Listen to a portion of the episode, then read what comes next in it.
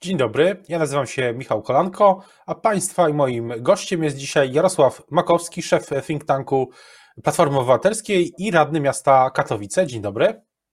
Dzień dobry panie redaktorze i dzień dobry słuchaczom. Chciałbym e, zapytać e, na początek właśnie co, e, co się wydarzyło, co się wydarzy wokół Instytutu Obywatelskiego. Są pierwsze nowe analizy, nowe projekty, ale co, co, co, co się teraz dzieje? Jak pan tą reorganizację Instytutu widzi?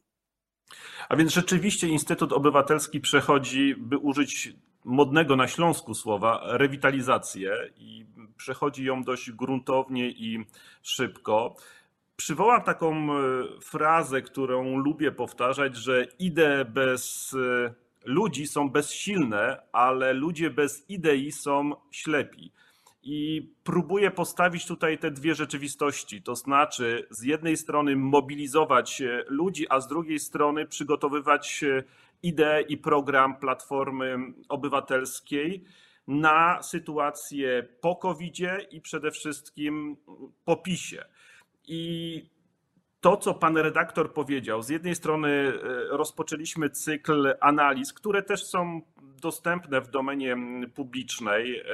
Na naszej stronie już mamy analizy dotyczące konsekwencji społecznych i gospodarczych zakazu handlu w niedzielę. Mamy ciekawą analizę architekta profesora Krzysztofa Nawratka, analizującą słynną mowę Urszuli von der Leyen dotyczącą przyszłości Unii Europejskiej.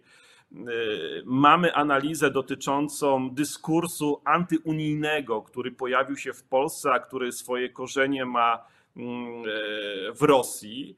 Z drugiej strony y, rozpoczęliśmy przygotowania do nowej deklaracji ideowej, i tutaj zadanie Instytutu polega na tym, żeby rozdyskutować Platformę Obywatelską.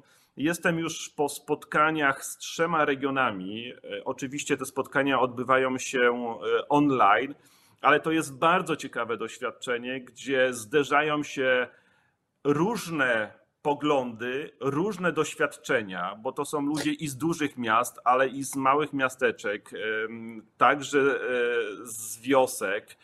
To są młodzi, to są seniorzy i próbujemy wychwycić to, czym platforma ma być mm, nie tylko dziś i nie tylko tu i teraz, ale czym ta partia, która będzie miała w styczniu 20 lat, ma być na kolejną dekadę. Jakie są, a jest jakiś pierwsza idea, pierwszy taki trend, który pan wychwytuje, na przykład jeśli chodzi o y, sprawy mm, światopoglądowe? Platforma jest tutaj w pewnym sensie odzwierciedleniem tego, co dzieje się w polskim społeczeństwie. Jest e, podzielona. Tutaj nie ma co kryć i mm, ja nie jestem politykiem, więc mogę mówić e, otwartym tekstem, E, poglądy są e, różne, tak jak różne są poglądy e, Polek i Polaków. Są osoby, które, tutaj to widać szczególnie w młodszym pokoleniu, jest już zupełnie inne doświadczenie, które opowiadają się za nową umową społeczną, za nowym określeniem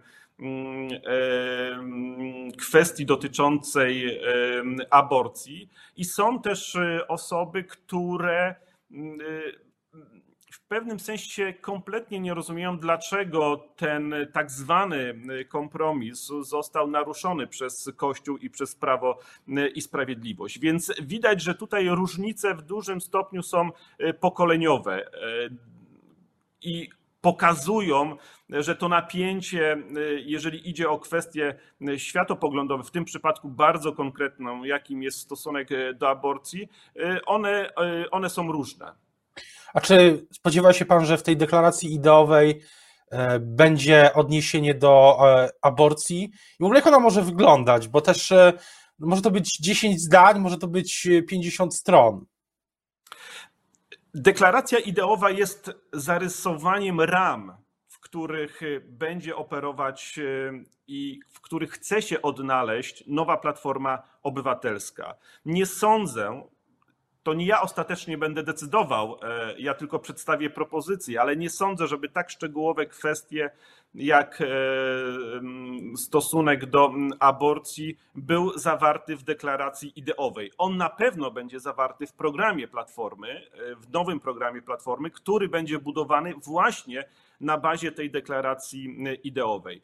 To, co uderza i to, co jest absolutnie kluczowe i wspólne, to jest przekonanie, że Platforma musi być partią wolności, że ludzie Platformy, zarówno e, ze starszego pokolenia, jak i młodszego, są przywiązani do tej idei. Im więcej wolności, tym więcej odpowiedzialności. Im więcej odpowiedzialności, tym więcej przyzwoitego i dobrego społeczeństwa. I w tym kierunku E, idą te propozycje, rozwiązania i próba znalezienia w samej platformie oczywiście także kompromisu.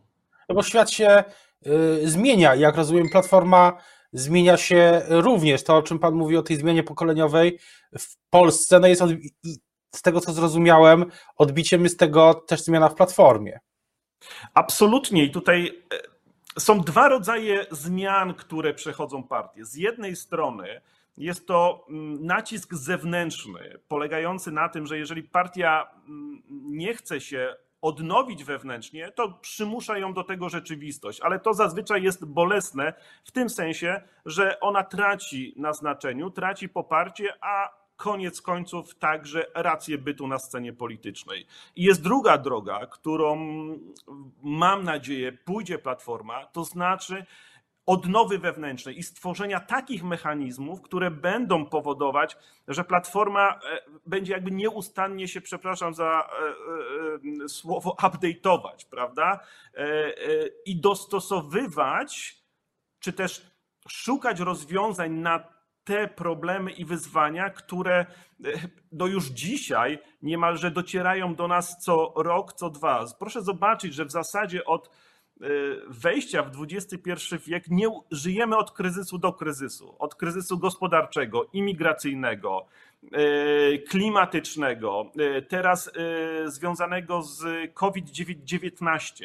I to pokazuje, jak szybko musi reagować partia, jak szybko musi szukać nowych odpowiedzi na te niespotykane i e, nieobecne w naszej przestrzeni publicznej dotychczas e, wyzwania. Zarówno sposób reakcji, jak i szybkość reakcji pokazuje, czy partia jest potrzebna jeszcze wyborcom, czy też nie. Z tym, zgodnie z tym planem, który ja, mm, o którym ja pisałem kilkanaście dni temu w Rzeczpospolitej, planem PiS, to w połowie grudnia jeszcze, a to pewnie się może przesunąć, te plany się zmieniają, ale PiS ma taki pomysł, żeby przedstawić przynajmniej szkic tego, jak Polska ma wyglądać po mm, pandemii. I nowych rozwiązań. Pytanie, czy Platforma będzie gotowa, żeby mieć swoją też odpowiedź. Pan to powiedział, powiedział Pan, że, że świat po PiSie i po COVID-zie. Tylko kiedy? Kiedy go poznamy? No bo jest takie chyba nawet oczekiwanie, że wiele osób się zastanawia, no czeka na to, albo zastanawia się, a jeśli nie dostanie tego, no to na rynku jest oferta na przykład Szymona Hołowni. Pełna zgoda. Odnosząc się do Prawa i Sprawiedliwości, w pewnym sensie to, jak PiS reaguje na COVID, to jak e, próbuje mm, okiełznać pandemię, pokazuje de facto sposób jego rządzenia i zarządzania państwem. I będąc sprawiedliwym, ale także słuchając tego, co mówią Polki i Polacy, nie jest to ocena y, dobra. Raczej mamy do czynienia z destrukcją państwa i przede wszystkim z destrukcją tego, co jest absolutnie zaufane, y, co jest y, niezbędne w tych niepewnych i ryzykownych czasach, czyli budowa zaufania. To, że nie radzimy sobie z koronawirusem, to jest efekt zburzenia zaufania obywateli do państwa, i obywateli do państwowych a, instytucji no i do rządzących. Czyli to jest, to jest diagnoza, ale jest, to jest diagnoza, to jest, opisuje pan sytuację, ale wydaje się, że tak jak mówiłem, to jest oczekiwanie, że partie będą teraz też pokazywać swoje nie tylko diagnozy, ale też propozycje. Dokładnie tak. I w pewnym sensie ta deklaracja ideowa w styczniu jest punktem wyjścia, czyli zakreślenia tych ram ideowych i wizji, które raczej będą tworzone nie poprzez deklaracje, ale sposób reakcji i rozwiązywania wyzwań, przed jakimi stoimy. W tym sensie określimy, czym będzie Platforma Obywatelska i na tej kanwie będzie budowany i pokazywany na, pios, na wiosnę program, nowy program Platformy Obywatelskiej. Dziś w pewnym sensie żyjemy jeszcze w sytuacji, gdzie nie znamy do końca konsekwencji, jakie wynikną z tego trzęsienia ziemi swoistego, które przyniósł koronawirus. My bodajże w przyszłym tygodniu będziemy drukować taki duży raport poświęcony e, relacji między COVID-em a miastem.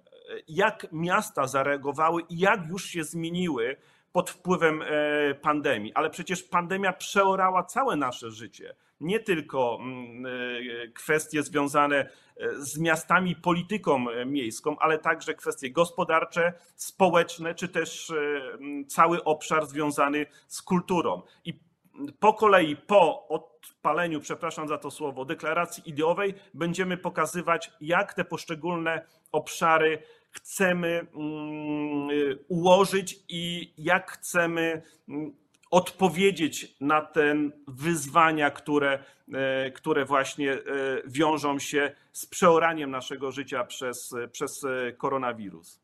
Właśnie mówił Pan o wolności, ale jest chyba takie powszechne nawet przekonanie w obozie rządzącym też, tam gdzie u tych polityków, którzy są, mają, mają bardziej wolnościowe inklinacje, że państwo będzie musiało mm, przez najbliższe miesiące, tak jak teraz, no w bezprecedensowy sposób teraz państwo steruje kolejnymi dziedzinami życia. Tego nigdy jeszcze wcześniej nie było, że to państwo przez rozporządzenia, albo jak niektórzy mówią złośliwie, slajdy, e, no, reguluje, kiedy można pójść do kina, kiedy do teatru, ile osób może się spotkać. E, I pytanie, czy, czy w tej wolności się mieści Y, na ile to jest znowelizowane pojęcie wolności, no w którym to, to, to państwo no będzie musiało przez najbliższe miesiące i lata pewnie też y, działać, silnie działać na rynku i, i w sferze w ogóle społecznej. Ja myślę, że to jest absolutnie kluczowe pytanie, które pan redaktor stawia i zarazem mm, główna oś sporu między wizją państwa proponowaną przez Prawo i Sprawiedliwość, a wizją państwa proponowaną przez Platformę Obywatelską to centralne sterowanie, które dzieje się w dużym stopniu właśnie mm, poprzez konferencje ze slajdami, pokazuje, jak państwo nie daje sobie rady, bo widzimy chaos, który został e, stworzony przez to, przez to właśnie centralistyczne zarządzanie. Jednego dnia mówimy, że stoki są zamknięte, drugiego po telefonie pana prezydenta mówimy, że jednak będą otwarte. Jednego dnia zamykamy branżę hotelarską, drugiego dnia chcemy ją jednak otwierać e, e, i tak dalej. Wydaje mi się, że odpowiedzią, odpowiedzią jest decentralizacja i postawienie na samorządy. Proszę zobaczyć, że samorządy dużo lepiej dają sobie radę z COVID-em niż rząd e, centralny. Innymi słowy, im więcej samorządności, im więcej regionalności, tym lepszy i efektywniejszy sposób odpowiadania i reagowania na tą niepewną rzeczywistość, e, z którą dziś mamy do czynienia, a której objawem, ostatnim objawem jest koronawirus. Innymi słowy, chcemy sprawniejszego państwa, oddajmy władzę samorządom. A czy y, uważa pan, że ten kryzys y, PiS w tej chwili, który, który nawet politycy PiSy, bardziej oczywiście nieoficjalnie, no jednak przyznają, że, że pewne przesilenie pewne, pewne, pewien kryzys jest. E, on jest e, inny niż te poprzednie, z których PiS wychodził? Jest inny w tym sensie, że mm, on jest obiektywny. E, jego nie da się unieważnić ani zagrywkami PR-owymi, ani mm, pewną technologią władzy, którą wypracował premier Morawiecki. Jest obiektywny w tym sensie, że mm, nie został wytworzony przez Prawo i Sprawiedliwość. Do tej pory mieliśmy kryzysy, kiedy to Prawo i Sprawiedliwość e, wywoływało e, kryzys i potem go próbowało gasić. Tutaj mamy do czynienia z obiektywną sytuacją, e, która dotyczy nie tylko Polski, ale dotyczy całego świata. I jakość rządzenia poznaje się po tym, jak państwo, jak rząd reaguje na ten kryzys. I wydaje się, że Prawo i Sprawiedliwość dzisiaj nie tylko walczy na polu, który mm, związany jest z konsekwencjami koronawirusa, ale także walczy na polu wewnętrznym o władzę wewnątrz Zjednoczonej Prawicy i zachowuje się nieodpowiedzialnie w tym sensie, że mm, walki o władzę wewnątrz Zjednoczonej Prawicy jest budżet europejski, a więc pieniądze, na które czekają polscy obywatele, czekają samorządy, żeby móc właśnie budować gospodarkę po covid To jest bardzo niebezpieczna gra, przypominająca kogoś, kto wchodzi do stodoły pełnej ściana z zapałkami i dziwi się, że potem e, może wywołać pożar. Ale co do, e, wracając się na chwilę jeszcze do tej deklaracji ideowej Platformy, tak się zastanawiam, e, jaką rolę mogą w niej, mogą przy jej przygotowywaniu, albo czy będą pełnić, na przykład byli przewodniczący Platformy i były premier były szef Rady Europejskiej Donald Tusk. Myśli pan, że on będzie miał jakieś e, swoje idee? Bo patrząc na, na Twittera Donalda Tuska, jego wypowiedzi publiczne, to on, on, on cały czas chce, chce uczestniczyć w polskiej polityce. Byłoby nieroztropne, gdyby Platforma Obywatelska nie korzystała z dorobku, doświadczenia i mądrości premiera Donalda Tuska nie mówiąc już o znajomości, znajomościach i kontaktach, które mm, były premier Donald Tusk e, posiada. Dzisiaj jesteśmy w sytuacji, zresztą to jest też mój sposób e, myślenia w ogóle e, o społeczeństwie czy też o wspólnocie, że nie stać nas na, na wykluczenie kogokolwiek. Więc w tym sensie każdy, kto chce przyłożyć rękę poprzez swoje doświadczenie, mądrość, sugestie, ideę do tworzenia dobrego programu i dobrej deklaracji ideowej Platformy Obywatelskiej jest absolutnie mm, witany z otwartymi rękoma. Idea, więc, więc tak. A ta idea pracy, o której mówi Paweł Kowal, miał nawet taki online'owy kongres y, kilka tygodni temu o pracy jako y, no, też definiującym elemencie życia, y, który mocno się zmienił w czasie pandemii. Absolutnie. Też pracujemy teraz nad e, programem, czy też założeniami, gdzie chcemy pokazać, że praca w Polsce musi się opłacać, że to jest e, taki element, który z jednej strony daje ci poczucie e, utrzymania, ale z drugiej strony jest też efektem godnościowym. I dziś wydaje się, że to jest moment także, gdzie przeobrażają się e, sposoby e, funkcjonowania i także mm, sposoby mm, pracy, która, którą będziemy musieli określić właśnie także e, po pandemii. I drugi element z tym związany, co też widać wyraźnie w tych głosach, kiedy spotykam się z poszczególnymi regionami, że platforma musi e, wrócić do małych, średnich przedsiębiorstw, do firm rodzinnych, e, do tych ludzi i tych zasobów, które tworzyły polską gospodarkę po 1989 roku. I rzeczywiście mam wrażenie, że czasami te mm, małe, średnie firmy, polskie przedsiębiorstwa, e, one szukają reprezentanta i mam nadzieję, że także w tej nowej deklaracji i nowym programie Platforma e, e, ponownie w sposób jasny i oczywisty stanie się ich reprezentantem, bo to są polscy bohaterowie. Czasami właśnie e, my podziwiamy na przykład, jak amerykańscy wielcy biznesmeni zaczynali swoje projekty gdzieś tam w garażu, ale przecież w Polsce również mamy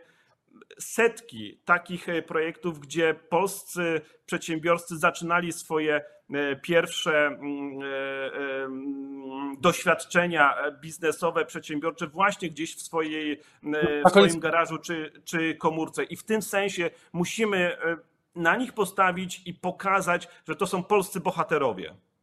Na koniec chciałbym jeszcze zapytać, na ile, mm, na ile po tym wszystkim, o czym mówiliśmy, na ile sądzi Pan, że Platforma utrzyma mm, ten pakiet kontrolny na opozycji y, przy następnych wyborach? One mogą być za rok, mogą być za trzy lata. Czy, czy, czy, czy uważa Pan, że będzie też y, mm, jakieś, jakaś forma paktu politycznego opozycji w przyszłości z, z udziałem dominującym Platformy, czy raczej takim udziałem partnerskim, równym innych, e, równym innych e, podmiotów jak ruch Szymona Hołowni czy Lewica? Uważam, że po stronie opozycyjnej nie powinno być wrogów, natomiast niewątpliwie są rywale i tutaj każdy będzie mm, próbował zdobyć dla siebie największe z możliwego poparcie. Natomiast ja uważam, że poparcie stałe zdobywa się poprzez e, e, pracę, poprzez determinację i poprzez konsekwencje. E, odradzam jakiekolwiek chaotyczne ruchy, które byłyby wynikiem ostatnich sondaży, które absolutnie uważam, że są tylko i wyłącznie pocztówką z tego, co dziś dzieje się, a dzieje się w polskim społeczeństwie bardzo dużo. Widzimy to na placach, ulicach naszych miast. Wydaje się, że wygra ten, kto A zachowa zimną krew, B, kto przedstawi realistyczny i odpowiedzialny program, i C, kto będzie wytrwały, konsekwentny i da Polakom i Polkom nadzieję, że Polska po PiSie może być lepszą, nowocześniejszą i odpowiedzialną e, wspólnotą i odpowiedzialnym państwem. Dziękuję za rozmowę. Państwa i moim gościem był Jarosław Makowski, szef think tanku Platformy Obywatelskiej, Instytutu Obywatelskiego i radny miasta Katowice. Dziękuję bardzo. To ja dziękuję panie redaktorze i życzę dobrego dnia.